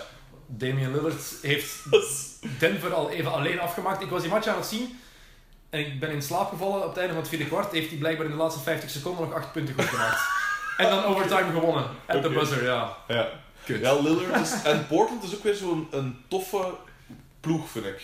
Ook goed beleid. Goeie coach. Want ja, vier starters laten gaan en nog altijd een, goed jaar gedraaid. Lamarcus McCallum die daar boven ja, zichzelf uitstijgt. En... Ik denk nu wel dat dat wat chance was, maar ja, toch. Denk je dat? Ik denk, dat. ik denk niet dat iemand dat verwacht had van McCallum. Je, je zag al wel flashes Ja, daarvoor als hij zijn maar ja, kans maar kreeg. En hij is ook ineens van, wat is het, 10, 15 minuten per match Ja. naar 38 minuten gegaan. wel ja, dat helpt natuurlijk. Dan gaat je productie wel wat eh, Ja. verhogen natuurlijk. Maar ik denk dus eh, LeBron James. LeBron, oké. Ja. Het is het eerste jaar waarin ik echt totaal geen idee heb voor de MVP. Gewoon dat er zoveel mogelijkheden zijn. En dan zie je deze eerste week en denk je, ah ja, dat kan. Ah, Ja, want- dat kan ook. Ah. Want je zou nog altijd kunnen zeggen Durant, want hij, hij doet ook het meeste punten. Ook iets van een 30 Ja, gemiddeld. zeven, het laatste, ma- ja, 31 heeft hij Ja. 37 in zijn laatste match. Dus ik, en ik denk eigenlijk nog altijd, als je die ploeg beziet, ik zou ook, eh, als de belangrijkste man bij die ploeg, zou ik nog altijd Durant durven pakken. Want Curry is, is heel goed en is, is heel, hij geraakt overal tussen. Maar ik denk dat het makkelijker, nog altijd iets makkelijker af te stoppen is dan een Durant. Want ja, Ja. gelijk dat zegt, een seven-footer, hij schiet van overal en allee, begint er maar aan. Altijd eh, gezegd sinds Durant in de NBA kwam, het grootste aanvallende Mhm. talent, scorestalent, sinds Michael Jordan. Ja, Niemand is zo'n natuurlijke scorer als eh, Kevin Absoluut. Durant op alle Ja. mogelijke manieren. ja, ja. Ehm, ja, geweldige speler. Iedereen kan het worden. Ehm, ik blijf bij Westbrook. Want als hij gemiddeld een triple-double haalt, Ah, ja. als dat gebeurt, Dan moet hem. is hij MVP. Dan moet het. Dat is wel schandalig, dat moest het niet zijn. Eh, Defensive Player of the Year. Eén naam, ik heb het daar straks al gezegd. Kawhi Leonard. Ja, al heb ik ook wel veel sympathie. Want de laatste jaren gaan ze minder voor big guys, dacht ik, hè? Voor eh, defensive player. Ehm Kawhi is het nu twee jaar op rij geweest. Daarvoor, was daarvoor waren het wel... Ah nee, Draymond was in de run. Ja, Draymond Green is twee keer tweede geworden. Ja. En voor Kawhi Leonard waren het Tyson Chandler, Marc Gasol, Joachim Noah. Ah ja, oké, dus toch Big guys. En daarvoor drie keer Dwight Howard. Ja, Dus de laatste echt... Voor Kawhi Leonard is de laatste kleinere Mhm. Defensive Player of the Year Ron Artest in 2004. Oké, ja, cool. Ehm, wie dat ik sowieso wel leuk vind, is een, eh, is een Gobert. Of Gobert, gelijk dat het zou moeten zijn natuurlijk. Eh, vind ik een schitterende speler. Wel, wel te smal. Die moeten wat body kweken, vind ik. Dat is, zo, dat is een lat. Hij moet ook gezond blijven. Ook, voilà. Dus dat, dat, daardoor zal hij het al niet worden. Een Whiteside vind ik toch ook wel bijzonder straf. Had hij vijf bloks of zo Mm. gemiddeld? Vind ik heel straf. Maar ik heb de indruk dat ze, dat ze steals belangrijker vinden dan, eh, dan rebounds sowieso. En bloks, ja, dat vind ik weet dat niet. Dat wordt zo... Dat wordt toch zo wat meer gezien als zo'n domme krachtenwerk. Van groot zijn en uw arm omhoog steken. En een steal, dat ver- vergt natuurlijk timing en visie. En, dus ik versta het wel. Dus kort gezegd... Nee, zeg maar. Zeg. Draymond Green niet eh, in consideratie? Sowieso wel in consideratie. Maar ik gun het dan een, een Kawhi meer, omdat dat zo'n sobere mens is. Ik vind hem, als ik Kawhi Leonard zie Mhm. verdedigen, ik begin bijna te kwijlen. Echt, ik heb nog nooit... De laatste tien jaar heb ik niemand zo zien verdedigen. Misschien heb ik al nog nooit iemand zo zien verdedigen. Scottie Pippen en Michael Jordan, Ja. als die twee echt locked in waren, waren dat fantastische verdedigers. Heerlijk. Maar hoe Kawhi die bal gewoon elke keer opnieuw pakt en... Ja, ik, Ja. ik, ik heb er bijna geen woorden voor. Ik kan het moeilijk, moeilijk uitleggen. Als je die ziet verdedigen, die is echt bezeten. Ja. En Tony Allen bijvoorbeeld, je hebt dat Ja. even aangehaald daar straks, de beste verdediger van de laatste tien jaar in de NBA op de perimeter. Kobe Bryant heeft zelf ook gezegd, moeilijkste tegenstander waar ik ooit tegen gespeeld heb. Mhm. En toch is Kawhi nu al tien keer beter. Defensief. Zo'n snelle voeten, is groot, is sterk, heeft die detente. Mhm. Nou, ik vind dat fenomenaal. Dus ik Ehm, denk ook Kawhi. Goed, Kawhi Leonard, mooi, daar zijn we het over eens. Rookie of the Year. De eerste keuze van iedereen, Ben Simmons, Ja. is uitgevallen. Die komt pas terug binnen een maand of drie. Mhm. Dus die gaat het niet worden. Is dat, is dat te weinig? Hoe- Hoeveel spelen ze op een... Oh ja, drie maanden toch? Februari gaat hij pas beginnen terugkomen. Hè? Tegen Ja. dat hij fit is, Nee, dat is is het gedaan. Nee, nee, gelijk. Zijn ploegmaat, Joel Embiid. The process. Ik haat het als iemand zijn eigen een bijnaam geeft. Eh, maar ik zie er de humor wel van in, omdat hij dus bij de Sixers Ik zit. vind het hilarisch. En Volg je hem al op Twitter? Nee, maar schijnt dat het echt de max is. Toen Ja. De eerste week dat hij in de, de NBA kwam, heeft hij Rihanna mee uitgevraagd. Fantastisch, hè? Gewoon doen. Ja, geen, geen gêne. Ehm, een beat zal... eh, maar ik heb er, daar heb ik weinig zicht op, die heb ik eigenlijk nog niet echt zien spelen. Maar wat ik ervan gehoord heb, is dat een wel... eh, dat een echte center is wel degelijk. Allee, ik bedoel... eh, Ik heb ze zien spelen tegen, wie was het, tegen Oklahoma City. Zondagavond, zondagnacht, ja. na zijn wedstrijd hier. En wat vooral opvalt, is zijn goed voetenwerk. Ja. Eerste big guy sinds Hakim misschien, die dat soort voetenwerk laat zien. Ah ja. Echt lichte voeten. Hij pakt veel shots, maar hij neemt veel initiatief en hij heeft zoveel vertrouwen. Dat is ook, je ziet dat hij geniet van terug op het veld te staan, Het wat logisch is na twee Ja, jaar te missen. Maar jammer van Ben Simmons. En dan heb je ja, Brandon Ingram, tweede pick, komt van de bank bij de Lakers. Jalen Brown komt van de bank bij de Celtics, Dragan Bender. De andere optie in mijn ogen is Chris Dunn Ja. van Minnesota. Zeker omdat Ricky Rubio nu geblesseerd is Voilà. uitgevallen Ja. afgelopen nacht. En Rubio is ook iemand waar dat ze eigenlijk al jaren zo wat van afvullen. Zo, maar ik vind dat wel een coole speler, Rubio. Altijd gevonden, maar niet geschotten. Dus, ehm, Dan kun je nu dreigen als je geen... Allee, zijn passing is ongelooflijk.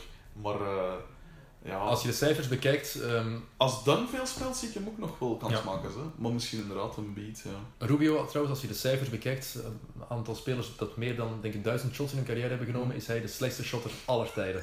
aller tijden. Niemand heeft eh, slechtere stats. Trouwens, wie dat ik ook een zaal... Met dat ik nu denk als Ja. een pas... Wie dat ik altijd een zalige speler vond, was eh, Jason... Jason... Van Sacramento. Jason Williams. Jason Williams. Ah, ja, Dat tuurlijk. een heerlijke speler. Een en al flash, wat ik eigenlijk wat niet zo mijn ding is. Maar die was zodanig... Hij mocht dat. Ja, die mocht dat echt. Wat een heerlijke speler. Die... Ik zie nog zo dat de bal achter zijn rug precies dat hij naar links gaat passen, maar dan naar rechts past. Of ook een keer met, Met zijn elleboog, ja. en- Dat was in de rookie game. En Ray Friends was toen Ja. de trailer. En die had die bal maar net vast, omdat hij niet wist dat die ging komen. Ja, We hebben dat op trainings geprobeerd toen. Ja, iedereen. Tuurlijk. Het is moeilijk, hè? Het is echt super moeilijk om die bal met die elleboog zo te geven. Hè? Oh, wat een heerlijke speler. Zijn zoon, Jackson Williams, Ja. geen grap. Ja. Dus Jackson Williams, zoon van Jason Williams, heel veel flashes van zijn vader. Ja? Echt, ja is... Speelt hij in de NBA? Nee, nee, hij is te jong. Hij is 14 jaar of zo, denk ik. Ah, ja. 13 jaar, hij is echt, echt jong. Maar Wat kan nog komen? als die komt... Ja. Goed, nog drie awards. Ja. Ehm, Most Improved Player. Dat is altijd een Dat heel de moeilijke. Ik heb hier twee namen opgeschreven. Miles Turner van Indiana, Mhm. die in zijn eerste match ook heel veel indruk heeft gemaakt. Ja. En ergens een eh, ja, persoonlijke favoriet, Giannis Antetokounmpo. Ja. Ik denk dat hij dit jaar voor het eerst All-Star gaat worden. Mhm. Een, ook een seven-footer op de point guard dan nog. Oh, ik hou van die gast. heb, je, heb je zijn eh, seizoensopener gezien? Media, eh, Me- Media Day? Zijn knock-knock joke? I have a I have a joke. Okay. Knock knock. Obama. Obama who? Obama so. no one laugh. Jesus Christ. Wat een vreselijke mop. Slechtste mop. Wat een, wat een verspilling van een mop. Zeg, zeg dan ook niet, I've got a joke. Nee, nee. Ja, dat is dat. Geen grap. Is dat. Maar Wel een zalig eh, type speler, ook weer zo een freak of nature. letterlijk, hè, de Ja. Greek Freak. Ehm, dat er zo wat overal tussen valt. Ehm, maar, als zijn beste seizoen is dat derde of zo zeker? Of zijn vierde seizoen? Mm, denken wanneer 2013 Derde of gedraft. vierde, denk ik, ja. Dus, terwijl je het opzoekt, dat vind ik zo al een beetje... ehm, allee, het zal waarschijnlijk Turner of, eh of Antetokounmpo worden. 2013 is hij inderdaad gedraft. Ja. Maar dus dat zijn... Want hoe oud is hij? Een jaar of 19 of zo, of 20? of zo? 21 is hij nu. Ah ja, wel. Maar, maar dat vind ik dan... Ik versta dat dat soort spelers het zouden worden, want die gaat een eh, insane statline eh bijeen spelen. Dat- hebben ze, denk eind vorig jaar was al even zo point guard. Hè, en Ja. van die wakko eh, statlines. Maar dat vind ik eigenlijk normaal dat die zoveel groeien, omdat die nog zo jong zijn. En omdat ze start, allee, basisspelers zijn, dus genoeg minuten spelen om, om wel een impact te hebben. Eh, daarom dat ik ga... Ik zeg het, ik geef volledig gelijk als het een van die twee wordt. Maar ik ga voor een speler dat het niet gaat worden, omdat ik het wel zo wat... Er zit wel een redenering achter. En ik ga gaan voor... Ik had er twee, hè, maar die dat mij nu... eh, er is er één ontsnapt. Maar ik ga voor Taj Gibson van de Chi- Chicago Bulls. Oh, Wat dat, ik- ik zeg het, ik vind dat er wat een... eh, ik heb nooit goed begrepen... Of ja, ik vind dat je zo'n speler, dat is echt zo'n heel basic power forward eigenlijk. Niks speciaal aan, geen franjes, geen, geen eh, uitzonderlijk talent. Maar die kwam altijd van de bank, waardoor dat zijn stats sowieso al niet geweldig, niet geweldig waren. En als hij nu een basisplaats zou krijgen, terwijl dat logisch gezien zou het Mirotic ook mogen zijn op power forward voor mij, omdat die wel kan schieten, gelijk dat we al zeiden. Eh, maar als een eh, basisspeler blijft, dan gaat hij normaal gezien genoeg rebounds pakken, want er zal genoeg gemist worden als ze van buitenaf blijven schieten. En die gaat zijn punten wel pakken, en die, dus die gaat wel een, een, een, er gaat een serieuze verbetering zijn. Eh, en ik gun dat die mens, want die zit er al jaren op de bank en nooit klagen, terwijl dat eigenlijk wel zijn kans verdiende, vond ik. Dus ik hoop voor hem dat het Taj Gibson wordt. En ik zeg het ook op, eh, op NBA 2K, is dat wel een als je zo eh, career doet, allee, als je de franchise doet, zo gezegd, eh, die wordt je wel altijd aangeboden in transfers. Dat is echt... En ik kan er moeilijk aan weerstaan aan die mensen, want ik zeg het, zo basic als iets, maar hij doet het wel altijd. Oké. Ehm, most improved, Taj Gibson bij jou. Voor mij Turner of Antetokounmpo. Mooi, mooi. Eh Six Man of the Year. Gaan we het kort over houden. Voor één keer is niet iemand die veel punten scoort, alsjeblieft. Want Ja. dat is altijd zo bij die verkiezing. Mhm. Andre Iguodala had die al twee jaar op rij moeten winnen. Zonder twijfel. Dus Iguodala, Six Man of the Year. Eh, ja, Oké, dat wordt hem. goed. Laatste, Coach of the Year. Ehm, daar heb je zoveel opties, want je hebt goede coaches. Thibodeau bij Minnesota. Mhm. Snyder bij ehm, Utah. Ja. Je hebt Popovic, zoals altijd. Altijd. Boedenholzer bij Atlanta, je kan blijven gaan. Die van maar, Boston is ook zo een. voilà, mijn keuze. Brad Stevens. Ah ja, Brad President Stevens van de Boston Celtics. Na Popovic de beste coach in de NBA. Maar ik mij. heb de indruk dat jij Boston als vrij Door, maar in- door Stevens. Ja. Eén, dat is een heel gebalanceerde ploeg. Mhm. Zonder echte ego's. Isaiah Thomas is daar het grootste ego, maar iedereen Ja. kent daar zijn rol. Mhm. Wil die rol ook vervullen. Mhm. Zonder meer te willen doen. Ja. Hebben ze Al Horford daarbij. Mhm. perfecte aanvulling voor die ploeg. Vorig seizoen 48 matchen gewonnen, het jaar daarvoor 40. Elk jaar maken ze Ja, die progressie. En met Horford erbij denk ik dat dit echt kan werken. En Mhm. Danny Ainge is daar general manager, Ja. dus die gaat nog wel iets doen in de loop van het seizoen om nog een grote Ja. naam binnen te halen. Wie? Dat is de vraag. Wat voor speler? Dat weet niemand. Ja. Ze hebben ook lang meegedaan om Durant eh, binnen te halen. Mhm. Tom Brady is zelfs meegaan gegaan in dat gesprek. de quarterback van eh, Ja. de New England Patriots. Maar vooral Stevens. Mhm. Je maar, moet er maar eens op letten als je match van de Celtics kijkt. Er is geen enkele ploeg die zo'n goede place heeft na een time-out. Stevens Ah, tekent ja, ja. iets uit en is altijd efficiënt. Altijd iets goed. Dat, is, dat is inderdaad wel iets... Want, wie was het vorig jaar? Was het Lou? Nee. Nee, nee, nee. Vorig jaar was het Kerr. Terwijl het eigenlijk... Ja, Ja. en Walton. ja. Mo- 73 en 9. Sorry. Kan je niet ontkennen. Nee, het is dat, het is dat. Al vond ik Terry Stotts, ik zeg het, met die, zoveel Ja. problemen, op papier problemen, zo'n resultaat halen, vond ik eigenlijk wel, ik had het die wel gegund. Maar, eh, wacht, hè, ik had, ik had iets in gedachten. Thibodeau gaat het niet worden, want ik denk dat de Timberwolves, het is een leuke ploeg, maar ik denk niet dat ze zoveel potten gaan breken. Ehm, ik zou durven zeggen...